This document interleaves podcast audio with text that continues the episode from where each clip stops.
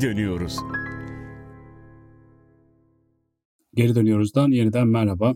Ben Mahir Ünsal Eriş ve kıymetli hocam Töre Sivrioğlu. Yine stüdyodaki yerimizi aldık ve geri dönmek insanlığımızın kültürüne, tarihine, e, muhabbetine şöyle enlemesine, boylamasına bir bakmak için buluştuk. Bugün karanlık bir konu konuşacağız ama ondan önce Töre hocamın bir derdim var, tutamam içimde dediği takım meseleler varmış. Onları dile getirmek istedi. E, nedir hocam derdin? Geçen programda bu Vissuramin'den bahsetmiştik. Aşk efsanelerin, destanlarını anlatırken Leyla Mecnun programında. Orada Vissuramin'i Bartold'un derlediğini söylemişim. Kayıtlardan dinledim. Yanlış söylemişim. O Minorski olacak. Hocam çok çok önemli bir yanlışlığa dur dedin. Evet. Bu müdahaleyle teşekkür ederiz. Bartolt'la Minorski çağdaş ve vatandaş hemşeri oldukları için bazen onları şeylerini karıştırıyorum. Evet, biraz ayıp olmuş. Evet. İkincisi bir ulus kelimesi konuşmuştuk hatırlıyorsan. Ümit Aslan'ın eski Türkler üzerine bir çalışmasına ulus kelimesine rastladım. Göktürk kitabelerinde geçiyormuş. Onu ben bilmiyordum. Yani eskiden kullanıldığını biliyordum. Onu konuşmuştuk hatırlıyorsan seninle. Hı hı. Bu bilgi olarak ekleyeyim. Bir de ateş konusunu konuşurken çok değer verdiğim bir sınıf arkadaşım Ahmet Uhri var. Onun kitabını aslında önerecektim o zaman da o esnada zaman yetmedi. Onun Ateşin Kültür Tarihi de bir çalışması vardır. Hani bu konuyu merak edenler Prehistorya'dan günümüze ateşin kültürü etkisini o kitaba bakabilirler. Son olarak da sen bir şeyden bahsetmiştin. Eleştiriden sanırım hani Akdeniz zengindi, kuzey yoksuldu demişim de öyle değilmiş ya da tersi miymiş? Şimdi tam hatırlayamıyorum. O konuyla ilgili de bu Romalı tarihçi Tacitus'u okurken bir cümle denk geldi geçenlerde. Onu okumak istiyorum. Tacitus Germanya için, Kuzey Avrupa için şöyle diyor. Fırtınalı bilinmeyen bir denizde uğranabilecek çok sayıda tehlike vardır buralarda diyor. Ayrıca insan Asya, Afrika veya İtalya'yı bırakıp görünümü bu kadar korkunç, iklimi bu kadar kötü, kendi vatanın bile olsa yaşaması ve bakması insanı huzursuz eden Germanya'ya hiç gider mi? demiş Romalı Devlet tarihçi. olsa sevilmez demiş hocam. Yani böyle yani biz şeyin yalancısıyız hani Cem Yılmaz diyor ya sıkışınca karacı olan der ki diyeceksin diyor. Biz de yani Takitus'un yalancısıyız. Yani o der ki yani Romalılar böyle düşünüyormuş. Yani bu kadar bereketli Asya dediği de tabii biziz. Küçük Asya'dan bahsediyor. Anadolu'yu bırakıp da diyor İtalya'yı bırakıp da bir insan diyor Germanya'ya gidip de yerleşir mi? Sonra anlatıyor işte ne meyve bahçesi var ne bir şey var falan diye devam ediyor. Yani biz Takitus'un yalancısıyız deyip sözü tamamlayıp sana bırakıyorum. Evet hocam böylece bir kötü gidişe bir yanlışa dur demiş oldun. Teşekkür ederiz. Bugün daha önce de yani başta dile getirdiğim üzere karanlık bir konudan bahsedeceğiz. Bugün konumuz ölüm ve sonrası. Şimdi önceki bölümlerden birinde e, Homo sapiens'in beyin yapısının düşünmeye mahkum olduğundan bahsetmiştik. Hatta demiştik ki Homo sapiens'in bütün bir ömrü zaten biz nereden geldik ve biz nereye gidiyoruz diye düşünmekle geçiyor. Bu karanlığın içinde debelenerek geçiyor. Bunun temel sebeplerinden bir tanesi bu dünya içerisindeki süresinin yani hayattaki süresinin sınırlı olduğunun bilincinde olması. Yani hayvanlar bir takım içgüdüsel düzeyde işte ölümden korkuyorlar elbette ama ölümü soyutlayarak, ölüm derinlemesine düşünerek, onun üzerine kafa yoran bir tür olarak elimizde sadece e, Homo sapiens var. Yani ölümü e, felsefi bir sorun olarak da gören yani sadece hayatın kaçınılmaz sonu olarak değil e, varoluşun tıkandığı bir nokta olarak gören tıkandığı diyorum çünkü e, yani çeşitli varoluş tanımlarına göre ölümden sonra hayat devam da edebiliyor. İşte başka bir form da alabiliyor. O yüzden o noktada tıkanıp sonra kendini başka bir çıkar yol e, arıyor işte varoluş tanımları. Bu meseleyi bu düzeyde düşünen sadece biz varız herhalde. Ya bilmiyorum yani Yunuslar oturup bu dünyada ölüm var kardeşim deyip kederleniyorlar mı? Hani sen daha iyi bilirsin bundan ama. Valla Yunuslarla ilgili bazı şüpheler var. Çünkü bu EQ denilen bir şey var. Hani bu beyin vücut oranlaması. Ya yani bu en yüksek insanda yani 7.4 falanmış. Hemen arkasından Yunuslar geliyor. 5.4 falan. Yani Yunus çok inanılmaz böyle beyin hacmi ileri bir canlı. Şeyden de şüpheleniyorlar zaten çıkardıkları seslerin karmaşasından dolayı acaba bir diyaloğa giriyor mu bunlar diye. Onların intihar ettiği falan düşünülüyor.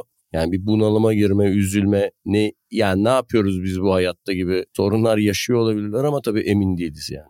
Hocam gözümün önünde gözyaşıyla böyle denizinden hayallerini çekilen bir Yunus görüntüsü geldi ve gerçekten biraz buruldum şimdi. Neyse konuyu sulandırmadan devam edeyim. Şimdi demek istediğim şey şu biz tür olarak ölümü düşünmeden yapamıyoruz. Yani çeşitli e, yoğunluklarda işte insanın işte kişiliğine, yetiştiği çevreye göre de değişen işte yoğunluklarda ölümü düşünüyoruz. Yani hatta insanlığın büyük bir çoğunluğu bütün bir hayatı ölümden sonra bir başka hayatın varlığını kabul ederek ve ona hazırlanarak yaşay- yaşayıp geçiriyor. Şimdi ölüm bir kere biyolojik bir olay. Yani fiziksel karşılığı olan bir olay. Ama ölümden sonrası tamamen metafizik bir olay. Yani gerçekte böyle bir şey var mı yok mu bunu deneme bunun sağlamasını yapma şansımız bile yok. Çünkü giden hiç kimse bize oradan bilgi sağlayamadığı için eğer hani gerçekten orada bir yer varsa ve oradan bize bilgi sağlanabiliyorsa tabii. Dolayısıyla da bu devasa boşluğu insanlık kendi dünya deneyiminden edindiği bilgilerle doldurmaya çalışıyor. Yani işte atıyorum mesela işte cennet tasvir ediyor ama mesela cennette işte mesela hologramik bir evren tasarlamıyor da işte mesela şırıl şırıl akan dereler hayal ediyor. İşte ne bileyim işte bal akan ırmaklar hayal ediyor falan. Ne, neyse işte ya da işte ateşler içerisinde bir cehennem hayal ediyor. Bütün bilgisi dünyadan edindiği bilgisi ve bu bilgiyle bir ölümden sonra yaşam tasavvur ediyor. Birinci sorum nereden geliyor bizim bu ölüme bu kadar takık bir tür oluşumuz? Yani bu zihinsel yapımızın da ötesinde. İkinci sorum bu yani ölümden sonra da bu hayatın devam etme ihtimali fikri nereden geliyor ve ne kadar eski bir düşünce bu? Yani işte Neandertallerin mezar hediyeleri bilmem neleri falan filan hep konuşulan şeyler ama ne kadar eski bizim bu dünyaya doyamayıp başka bir dünyayı arzulama iştahımız?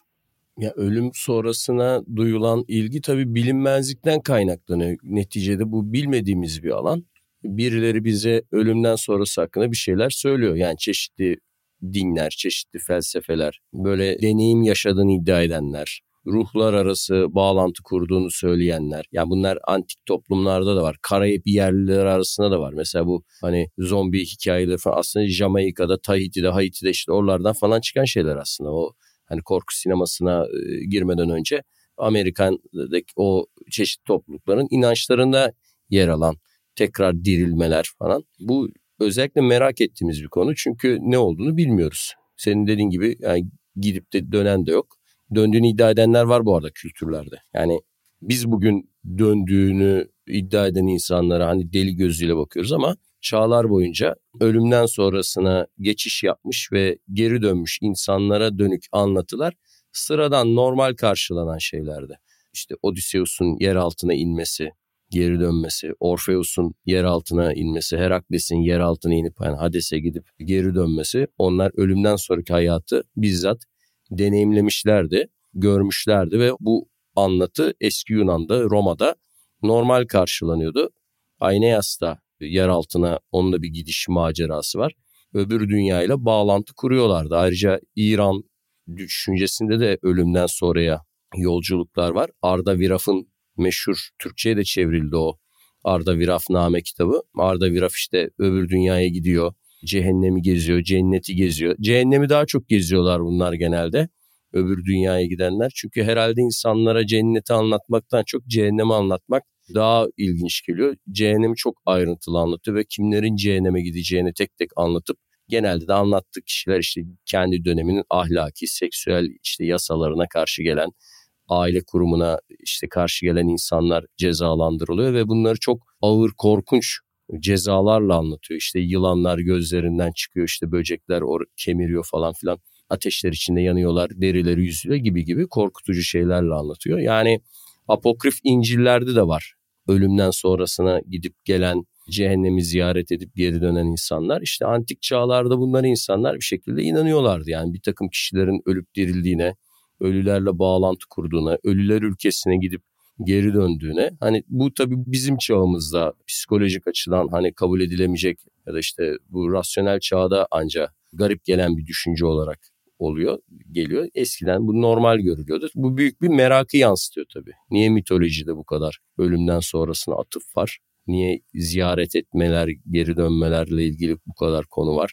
Eski Mısır mesela. Neredeyse bütün eski Mısır e, inanışı Ölüler kitabı kaynağını baz alırsak hep ölümden sonraki yolculukla ilgili. Piramitlerdeki bütün o duvar tasvirleri işte Krallar Vadisi'ndeki duvar tasvirleri hep o ölen firavunların ölümden sonraki yolculukları ile ilgili. Saat saat karşılaştıkları şeylerle ilgili, işte hesapla ilgili o tartı kalbinin tartılması, işte eski Yunan'da da o kayıkçının insanları alıp karşıya geçirmesi para karşılığında gibi insanlar bu konuya asırlar boyunca merak etmişler. Çünkü hiçbirimiz içimizdeki o merak duygusunu dindirecek bir bilgiye, deney ve gözleme sahip değiliz. Yani bu fizik kimya meselesi gibi oturup bir yerde denenmediği için bu yüzden merakımız devam ediyor. Ama mesela Hristiyanlıkta da Lazarus'tu değil mi? Ölüp dirilen, tekrar yaşama dönen öyle hatırlıyorum. Evet hocam. İsa'nın evet. yaşama döndürdü. Ama yani eskiden bu ölüp dirilmeler biraz daha doğal karşılanan iddialar diyelim. Kabul. İsa'nın kendisi de ölüp Tabii diriliyor kendisi. aslına bakarsın. Evet, ve birçok tanrı da. Birçok tanrı da ölüp diriliyor. Osiris gibi, işte Adonis gibi, Dionysos gibi. Demek ki eski insanlar bu ölüp dirilme olayını biraz daha doğal. Hayatın normal akışında bir olay gibi görüyorlardı. E bugün tabii böyle görülmüyor. Hocam çok özür dileyerek bir parantez açmak istiyorum buraya. Daha önceden mitolojiden bahsettiğimiz bölümdeydi sanırım. E, mitolojinin modern öncesi insan için bir takım olguları hatta kimi durumlarda olayları açıklamaya yönelik bir çabanın ürünü ya da en azından o çabanın yerine geçen yani o, o açıklamanın yerine geçen e, doğal bir takım gelişi veren şeyler olduğunu konuşmuştuk. E, dolayısıyla da biz bu ölümü açıklayamadığımız için insan türü olarak yani e, evet biyolojik olarak açıklıyoruz. İşte bir takım canlılığın durması, işte kalp atışının durması, beyne kan gitmemesi, işte nefes alıp vermemek, iç organların yavaş yavaş işte görevi terk etmesi falan filan gibi işte bir takım böyle işte biyolojik, fiziksel süreçler var. Ama birincisi dünya üzerinde geçirdiğimiz süre hakikaten tatmin edici bir süre değil aslına bakarsan. Yani bir de tabii şöyle bir şey var. Biz tür olarak da biraz erken doğuyoruz. Yani normalde işte belki de insan e, gebeliğinin iki yıl falan sürmesi lazım matematiksel olarak. Fakat işte o kadın bedeninde çatı genişleyemediği için yeteri kadar aslında bütün doğumlar prematüre bir doğum oluyor. Şey gibi yani hani atıyorum işte buzağı doğuyor ve kalkıyor, yürümeye başlıyor falan ama biz hani mesela doğumdan sonra en az iki yıl boyunca başka birinin bakımına muhtacız. Ve biz dünyada ne olup bittiğini anlayana kadar dünyadaki süremizin sonuna gelmiş oluyoruz zaten.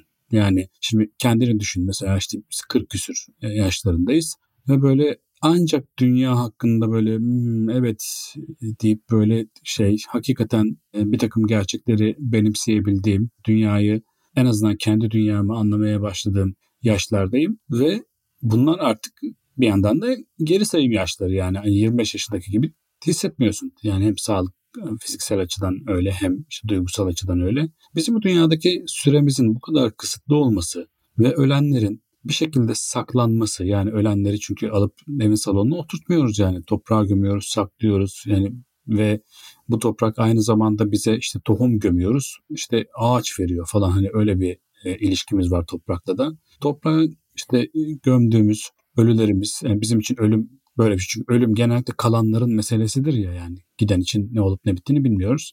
Acaba biz bu ölüm açıklayamadığımız için tıpkı işte o daha ilkel atalarımızın işte yağmuru, yıldırımı, şunu bunu açıklayamadıkça onlara işte mitler atfetmesi gibi. O yüzden bu ölüme bu kadar mit atfediyor olabilir miyiz? Yani şimdi İsa'nın ölüp dirilmesinden tut da işte eski Yunan'da yeraltı dünyasına inip işte geri dönmek için çabalayan işte kahramana kadar böyle hep bir ölüme bir mit atfetme durumumuz var. Yani işte öldükten sonra şu oluyor, bu oluyor. İşte cennete gidiyoruz, cehenneme gidiyoruz, arafta bekliyoruz, köprüden geçiyoruz. Bir, bir takım böyle hep hep bir hep bir bugün hani modern algıyla baktığımızda mitolojik görünen bir şeyler var. Hep bu işin arkasında acaba ölüme bir idrak çabası var denebilir mi?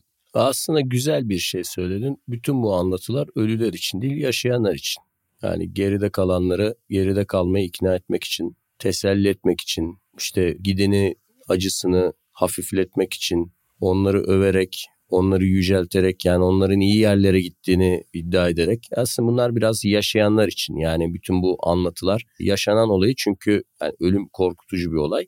Üstelik ölümden sonra insanın cesedinin bozulması daha da korkutucu bir olay. İşte bu yüzden hızlı bir şekilde gömme, yakma ya da işte yırtıcı kuşlara teslim ederek Dahma denilen kulelerde Hindistan'da ve İran'da yapıldığı gibi temizletme gibi uygulamalarla hani bunu konuşmuştuk. Bir an önce ondan kurtulma düşüncesi var. Çünkü işte o fiziksel olarak o bozulma, onun yaydığı negatif enerji insanlar tarafından hiçbir kültürde hoş karşılanmamış yani. Yani bu evrensel bir ölü ölüden yani cesetten, bedenden kaçış şeyi var. Ama o insanın hatıralarına büyük bir bağlanış var. Yani burada bir ikilem var aslında. O bedenden kaçış ile o kişinin hatırasından kopamama. O yüzden işte ondan bir hatıra saklama. Bu bazen kemikler olabiliyor. Boyuna asılan kemikler oluyor. Eşyaları oluyor. Ondan bir parça saklama şeyi de var. Yani hem ondan kaçınma. Bunu ben okuldayken ölü gömme gelenekleri diye bir ders siz de görmüşsünüzdür herhalde. Tabii hocam. Bir de hocamız Zafer Derin buradan ona selam iletirim. Işıkları da kapatırdı böyle slide açarken. Perdeler falan kapanır, slaytlar açılır. Bir mezar şeyi çökerdi sınıfın içine. Tam böyle dersle konu ve ortam bir bütünlük sağlardı yani o mezarları seyrederken. Hani şey demişti ne zamandır var? Bayağı zamandır var yani. Bir iddiaya göre Neandertallerden beri var insanların törenle gömülmesi. Yani ondan kop, onlardan kopmak istemiyorlar ya da onları öbür dünyaya hazırlıyorlar diyelim. Ne yapıyor mesela? Atını da yanında gömüyor. Bazı kültürlerde biliyorsun karılarını, eşlerini, hizmetçilerini, kölelerini neyse yanında gömüyor. Bazı çocukların işte oyuncaklarını yanında gömüyor. Savaşçıysa, askerse neyse işte silahlarını onunla gömüyor. Yani onu hazırlıyor, yiyecekler bırakıyor o öbür dünya için. Yani Firavun mezarında da Firavun'a göre lüks tüketim malzemeleri ve araç şeyler var.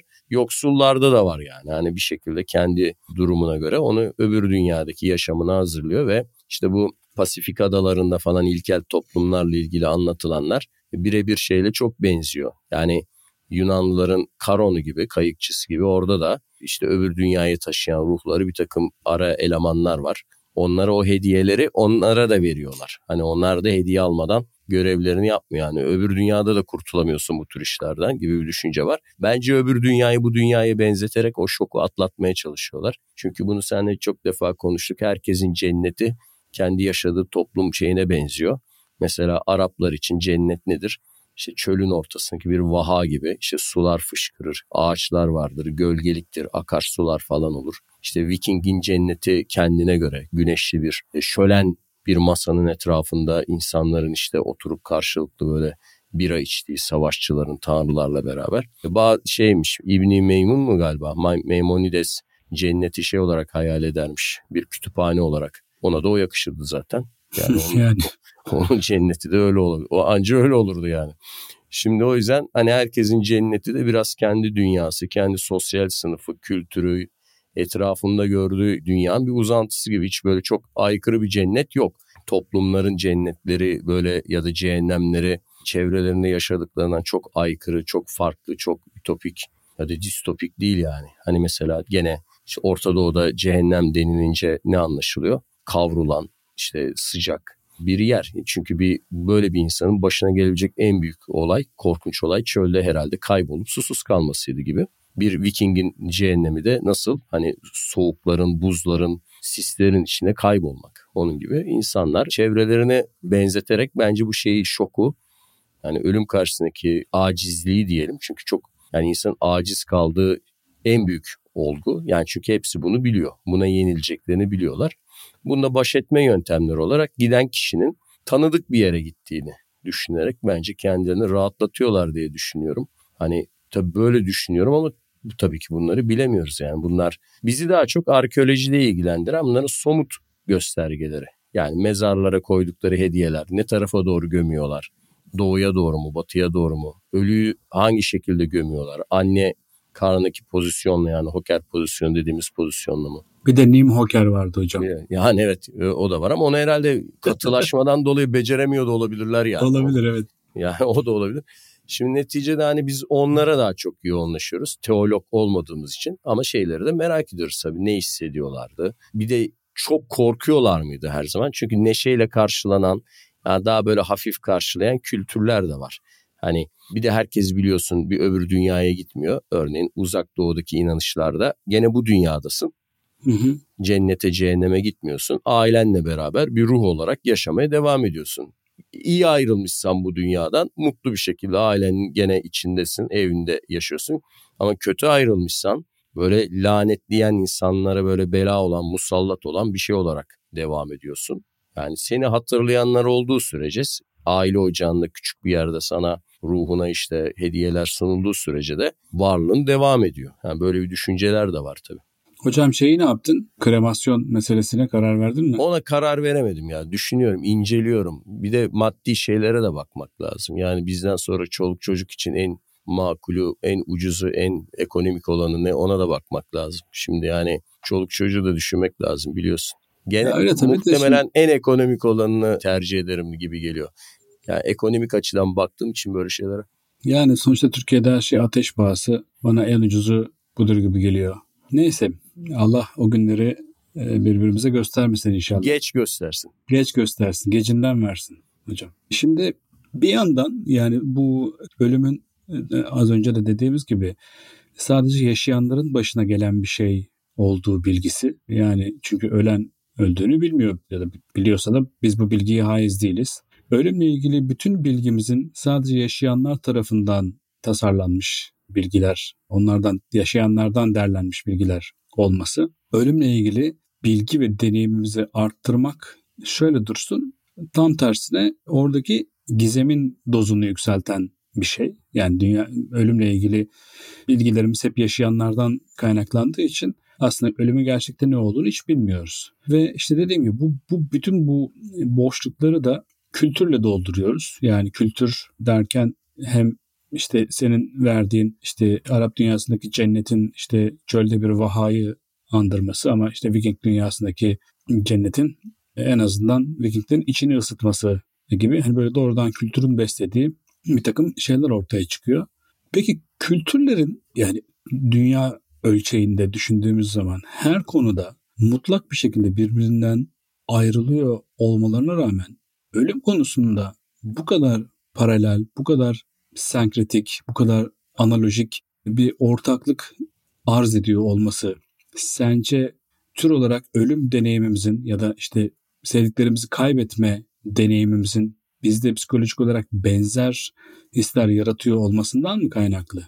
Yani ölüm karşısındaki çaresizlik bütün dünya mitolojilerinde, edebiyatlarında, efendim söyleyeyim kültürlerinde yani tasvirli sanat eserlerine kadar her şeyin içinde var. Ama bir şekilde dediğin gibi ya Pasifik adalarındaki e, yerli toplulukların o duygu ve düşünce repertuarında hemen hemen neye karşılık geliyorsa Orta Doğu'da da öyle. İşte atıyorum Vikinglerde de öyle. Ufak tefek farklılıklarla ölümle ilgili hemen hemen aynı şeyleri düşünüyoruz tür olarak. Acaba bu şey mi? Yani biz birbirimizi çok farklı zannettiğimiz aslında halde dünyada hepimiz şeyiz ya aynı tür insanız ya. Yani atıyorum işte papağanın bile işte 150 çeşidi var ama mesela insanın bir çeşidi var. Hani acaba bu bizim kültür dediğimiz şey aslında bu içgüdüsel düşünme biçimimizle örtüşmediği noktalarda acaba hep içgüdüsel tarafımıza mı yenik düşüyoruz ölümle ilgili? Ya ona bir kültür tarihiyle ilgilenen biri olarak şu cevabı veremem. Eğer bu evet tür olarak bizim ortak düşüncemiz, ortak tavrımız dediğimiz an çok tehlikeli bir suya girmiş oluyoruz. O zaman işte bu genetikçilerin, sosyobiyologların, işte insanı biyolojik bir canlı olarak tarif eden insanların avucuna düşmüş oluyoruz. İşte o zaman da bunun arkasından işte erkeklerin milyonlarca yıl boyunca, yüz binlerce yıl boyunca işte ava gittikleri için fotojenik hafızaların daha iyi olduğu, daha iyi otomobil kullandıkları, kaybolmadıkları, işte kadınların bu yüzden araba kullanamadıkları, evde oturdukları için hani sosyal örgütlenme kurma konusunda genetik olarak zayıf oldukları gibi olaylara doğru varmaya başlıyoruz. O yüzden o konularda hani konuşurken, düşünürken hep dikkatli olmak gerekiyor. Evet yani ölüm neticede her insanın tür olarak her insanın farkında olduğu, bilincinde olduğu bir şekilde ona karşı bir tepki geliştirdiği bir olay. Yani ölüm karşısında duyar, duyarsızlık da var yalnız. Hani burada mesela Epikurosçu bir düşünceye dönersek yani mümkün olduğu kadar güzel yaşa ve bu dünyadan hani yapabildiğin amaçlarına dönük bir hayat yaşa tarzı bakış açıları da var. Ama tabii o da hani neticede öleceğini bildiği için böyle yapıyor. Bunu hatta seninle konuşmuştuk. Yani uzun yüzyıllar, bin yıllar, on bin yıllar yaşasaydı eğer insan bence bana göre kendi düşüncemi söylüyorum hiçbir konuda yaratıcı bir fiiliyat içine girmezdi. Yani bugün işte 5000 yıllık bir ömrümüz olsaydı muhtemelen bana göre çoğu insan yani çok ezici bir kısım insanın ne kitap okur, ne bir şey araştırır, ne bir şeyle ilgilenirdi. Çünkü nasıl olsa o kadar çok önünde zaman var ki o kadar farkında olamayacağı kadar uzun yüzyıllar yaşayan insanların ben yaratıcılık konusunda gerileceğini düşünüyorum. Mesela sonsuz hayat hep arzulanan bir şeydir. Ölümsüzlük ırmakları, Eldorado'lar şunlar bunlar var ya. Ama Hı. buna erişenler hep hikayelerde dikkat ediyorsan bunalıma girerler ve şeylerini yitirirler. Yaşam karşısında bütün arzularını yitirirler. Bizim çocukluğumuzun bir filmi vardı. Sean Connery'nin oynadığı Zardos. Hı hı. Yani orada gelecek ütopyasında neredeyse ölümsüzlüğü yakalamış bir seçkin sınıf vardı ve yaşamdan tamamen soğumuş durumdaydılar. Çünkü bizi bu kadar araştırmaya iten, mutlu olmaya çalışmaya iten, üretmeye iten, çocuk yapmaya iten, sanat yapmaya, resim yapmaya, müzik yapmaya, kitap yazmaya, okumaya, öğrenmeye neyse işte. Yani yarışa, rekabete iten şeyler kendimizi geliştirmek için ya da para kazanmaya yani. illa böyle hı hı. çok entelektüel boyutta olmaya gerek yok yani. Bunların hepsinin nihayetinde evet bir gün öleceğimiz gerçeği var. Buna hazırlanan insan da ölmemek için ya kendinden sonrasına soy bırakmak, döl bırakmak, mal bırakmak, mal bırakmak, para bırakmak, şan bırakmak, nam bırakmak, işte ne o Akileus'un savaşa öleceğini bile bile gitmesine rağmen hani ismi yaşasın diye ki yaşıyor işte hala konuşuyoruz. Bunun için gitmesi gibi. Yani hepsinin evet ölüm karşısında herkesin bir tavrı var. Eğer tür olarak kastettiğimiz evet yani bu evrensel olarak ölüm onu küçümseme, ondan korkma, ona yaklaşma ya ondan uzaklaşma, onu hafife alma. Mesela Türk mitolojisinde de var ya ölümle Deli Dumrul'un Azrail'le mücadelesi diyelim, dansı, dalga geçmesi, boğuşması neyse işte. Ya bu var. Yani ölümü yenme duygusu, ölüme meydan okuma duygusu var yani. Ama buna verilen cevap kültürden kültüre, zamandan zamana, e, insandan insana, e, sosyal yapılara göre o kadar değişken ve o kadar çeşitli ki hani buradan şey çıkaramayız. Biyolojik bir insan türü anlamında işte insan ölüm karşısında şunu hisseder, bunu yapar ya da mutlaka şu şekilde şu tavrı geliştirir gibi bir şey varamayız. Oraya vardığımız an zaten arkeoloji ve tarih alanı bitmiş oluyor. Onun yerine işte bu iyi saatte olsunlar, üstün ırklar, Germen, Aryanlar, Germenler. E, Erkekler şöyle, kadınlar Aa, öyledir, böyle. Tabii tabii yani beyazlar doğuştan yeteneklidir. Erkekler doğuştan şudur, işte Almanlar doğuştan budur gibi hikayeler başlıyor. Bizi aşıyor. o, o noktadan sonra bizi hikaye Hocam aşıyor. bir de şey ya bütün bu hani saydıklarına ilaveten şunu söylemek istiyorum. Ya delirmemek için de olabilir mi? Yani öleceğini biliyor olmak korkunç bir şey değil mi abi? Yani hani öleceksin yani bir noktada bütün bu yaptığın yaptığın her şey, yaşadığın her şey, geri işte geride bırakmak için çabaladığın her şey, işte gördüklerin, öğrendiklerin, okudukların, yazdıkların, sevdiklerin e, hepsi nafile yani. Böyle bir gün güm diye öleceksin ve böyle şey fişi çekilmiş gibi kararacaksın bitecek falan filan. İşte bu, bunu bildiğimiz halde delirmemek için dünya bu kadar tutunuyor olabilir miyiz yani? Sürekli sürekli öleceğini bil, biliyorsun yani sürekli böyle bir veri var elinde. Bu verinin seni ele geçirmesini engellemek için acaba delirmemek adına dünya bu kadar sarılıyor olabilir miyiz? İşte zaten bu kadar çok alanla ilgilenmemizin bir sebebi de bu konuyu aklımıza getirmek istememek. Hani o birçok konuyla ilgilenerek, yaşamın akışkanlığı ile ilgilenerek bunun bir gün biteceğini düşünmeyerek böyle bir mücadele etmiş oluyoruz. Bu şekilde bir karşılık vermiş oluyoruz. Örneğin tasavvufu düşün. Yani gerçek tasavvuf, geleneksel tasavvuftan bahsediyorum. Bugünkü kopyalarından değil. Yani onlar bütün felsefelerini ölüm üzerine ve bu dünyanın geçiciliği üzerine kuruyorlardı. Ve bu dünyayı küçümseyerek yani sürekli bir ölüme hazırlık için hayatta var oluyorlardı. O yüzden işte evlenmiyorlardı, çocuk yapmıyorlardı, para biriktirmiyorlardı. Bir elbiseyi 40 yıl giyiyorlardı. Yırtılan yerleri dikmiyorlardı. Evlerinin çatısı çöküyordu, tamir etmiyorlardı. Çünkü zaten bütün bunlar e, hayali şeyler, geçici şeyler olduğu için gerçek olana yani öbür yaşama hazırlıkla burada bir sınav içinde oldukları için hiçbir şeyle ilgilenmiyorlardı. Bazen ben öğrencilerime şey derdim yani hani tamam tasavvuf güzeldir ne bileyim karıncayı bile ezdirtmez. Hiçbir canlıya zarar vermez ama dünyayı bu Size kadar... gelmez o iş. Yani. yani bir toplumun hani bunu üç kişi beş kişi bu yola girdi mi bir renk gibi gözükür ama bütün bir toplum bu yola girse şöyle düşünün derdim. Hani bu dersi dinleseniz ne olur, dinlemeseniz ne olur? Şimdi bizi dinleyenler bizi dinleseler ne olur, dinlemeseler ne olur? Bunları öğrensek ne olur, öğrenmesek ne olur? Yani sınavda birinci olsan ne olur? Okulu bitirsen ne olacak ki? Yani bir gün hepimiz toprak olup gideceğiz. Yani o yüzden bütün bunları yapmamıza ne gerek var kafasına girdiğiniz an dedim. Yani bu özellikle bu yaşlarda girmeyi tabii kimseye tavsiye etmezdim yani öğrencilerime. Yani orada işte şeyden kopuyorsun bu sefer. Yaşamdan kopuyorsun. Yani o ölüme hazırlık eğer seni yaşamdan koparıyorsa kültürel olarak ve psikolojik olarak o zaman işte başka bir boyuta geçiyorsun diyebiliriz. Bu da bir tavır ama bu da bir yani kimisi sürekli yaşamı hatırlayarak ölümü düşünmek istemiyor. Kimisi de sürekli ölümü düşündüğü için yaşamak istemiyor. Yaşamdan kopuyor diyebilirim. Hocam peki yine yine e, çok e, konuyu sulandıran bir soru soracağım sana. Reenkarnasyona inanıyor musun hocam? Valla inanıyorum. Çünkü tarihte öyle tipler sürekli sürekli geliyor ki mesela Bizans İmparatoru Justinianus biliyorsun Ayasofya'yı yaptıran imparator. Hı hı. Prokopius onun için şey der. Hiçbir şey yapmıyordu inşaattan başka. Sadece işte oraya saray yaptırdı, buraya saray yaptırdı. Milletin gözünü boyamak için der. Hatta tahta çıktığı zaman ilk tören yapılacak ya. Bu yani Bizans imparatorları Hı-hı. ata biniyor. Atın üstüne böyle bir geçit töreni yapıyor. At bunu atmış sırtından. Bu atı sırtından atınca imparatoru herkes ya diyor no bir uğursuzluk alameti olarak görüyor işte Bizanslılar bunu. Hakikaten de sonra işte Bizans'ın arkasından bu Vandal savaşları, İran savaşları vesaire savaşları sonunda çok kötü bir dönem geliyor. O yüzden yani böyle olabilir. Bazen böyle insanların tekrar tekrar dünyaya geldiğini düşünüyorum. Hani Marx da demiş ya olaylar iki kere tekrar eder. Aslında Hegel demiş onu da. Hı hı. Önce trajedi olarak sonra komedi olarak. Evet yani bu açıdan bazı tarihsel kişiliklerin ve olayların tekrar ettiğine dair bir inancım var. Yine Çavuşescu'ya bir sinyal veriyor gibisin hocam. Bu sefer Justinianus'ı anmak istedim yani ama. Hmm, anladım.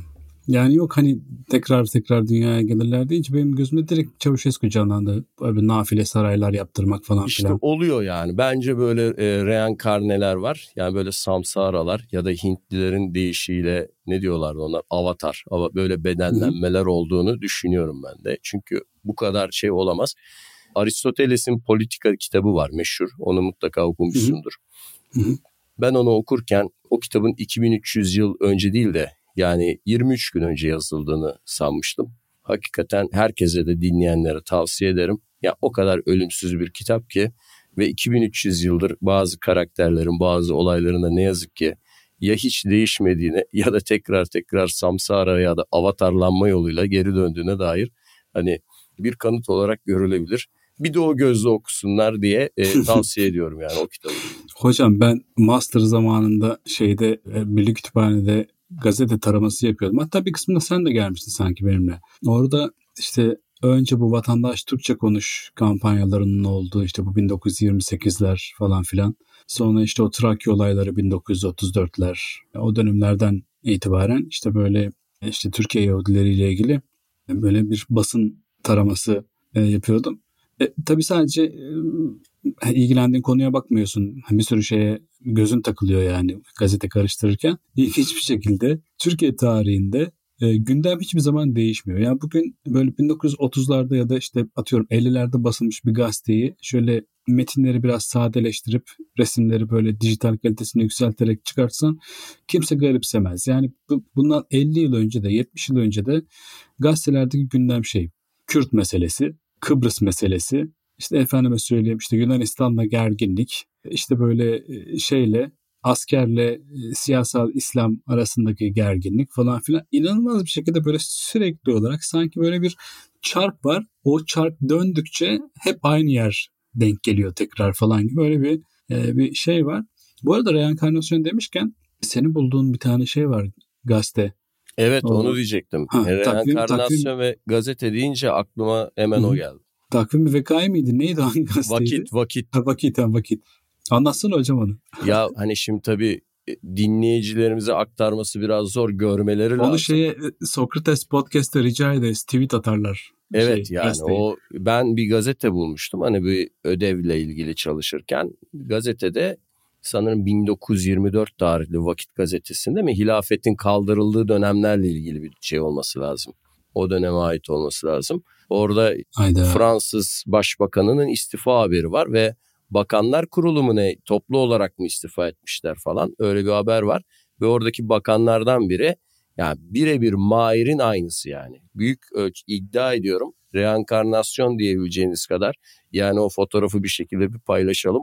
Duruyor bizde fotoğraf. Mahir'in bir böyle 55 yaşındaki falan hali. E yani o resmi görüp de reenkarnasyona inanmamak, reenkarnasyonun varlığını reddetmek mümkün değil. Hakikaten Mahir Ünsal Eriş 20. yüzyıl başlarında Fransa'da yaşamış. Hatta kabinede görev de almış. Başarılı bir insan olarak orada görebiliyoruz yani rahatlıkla. Hocam Allah'ın sevdiği kulu olduğum için böyle bana birkaç sefer şans tanımış olabilir. Hocam teşekkür ederim bugünkü sohbetin için. Aslına bakarsan ölüm üzerine konuşulacak daha çok konu var. Ama bir yandan da ölüm üzerine konuşmanın da çok nafile bir şey olduğunu da kabul etmek lazım. Yani çünkü sen ne anlatırsan anlat o bildiğini okuyor. Ne, ne diyelim evlerden ırak olsun diyelim hocam. Öyle bitirelim bari. Ama yine de ölümü hem türümüzün hem de kültürlerimizin perspektifinden değerlendirmek faydalı olur diye düşünüyorum. Bildiğin üzere bundan sonraki bölümümüz bizim son bölümümüz olacak. Sonra bir sezon arası vereceğiz ve Dünya Kupası'nın tamamlanmasıyla birlikte e, sürprizlerle e, geri döneceğiz stüdyomuza. Ve son bölümümüzde de en azından bu kadar can sıkıcı bir konu konuşmamış olacağız diye ümit ediyorum. Ona da ilginç bir şekilde şimdi karar verdik. Tersini konuşmuş olacağız. Yani bu sefer evet, ya, evet yaşamı konuşmuş gibi olacağız. Evet, evet, evet. Yani ölüm ölüm karşısında yaşama tutunma azmimizi açıklayan bir konu konuşmuş olacağız. Var mı hocam söylemek istediğim bir şey? Yok gene ben o TRT geleneğine bağlı olarak e, dinleyicilerimize iyi günler diliyorum. Kapatıyorum. Tüm tüm yayında ve yapımda emeği geçen hocam yayında ve yapımda emeği geçen derken bence Sencer'i de al, almalıyız. Sencer'e de teşekkür etmeliyiz. Ya yani bu yayının dinleyiciye ulaşmasının arkasındaki görünmeyen kahraman o ve ondan hiç bahsetmiyoruz. Ben olsam bozulurdum şahsen. Ama Sencer kalender bir adam olduğu için Hayır o bizden yakışıklı olduğu için onu kıskanıyoruz. O yüzden bilerek evet, bahsetmiyoruz. Hocam Allah'tan şey yani bu e, hani görsel bir iş değil. Evet. Yoksa üçümüzün sahnede olduğu bir ortamda bizim hiç şansımız yoktu Sencer'in yanında. Neyse Sencer'e de teşekkür ederek huzurlardan ayrılalım. Ee, biz dinleyen herkese teşekkür ediyoruz. Özellikle trafikte dinleyen e, herkese sabırlarından e, dolayı ekstra teşekkür ediyoruz. Haftaya görüşmek üzere. Sevgi ve selam.